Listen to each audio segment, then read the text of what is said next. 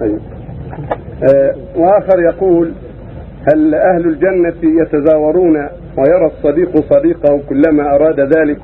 إذا كان آه. يتزاور أهل الجنة نعم. يتزاور فيها طيب.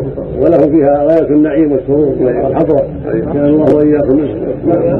وباقي السؤال بيقول إذا كانوا يتزاورون فأتمنى على الله سبحانه وتعالى أن أراك في كل خميس.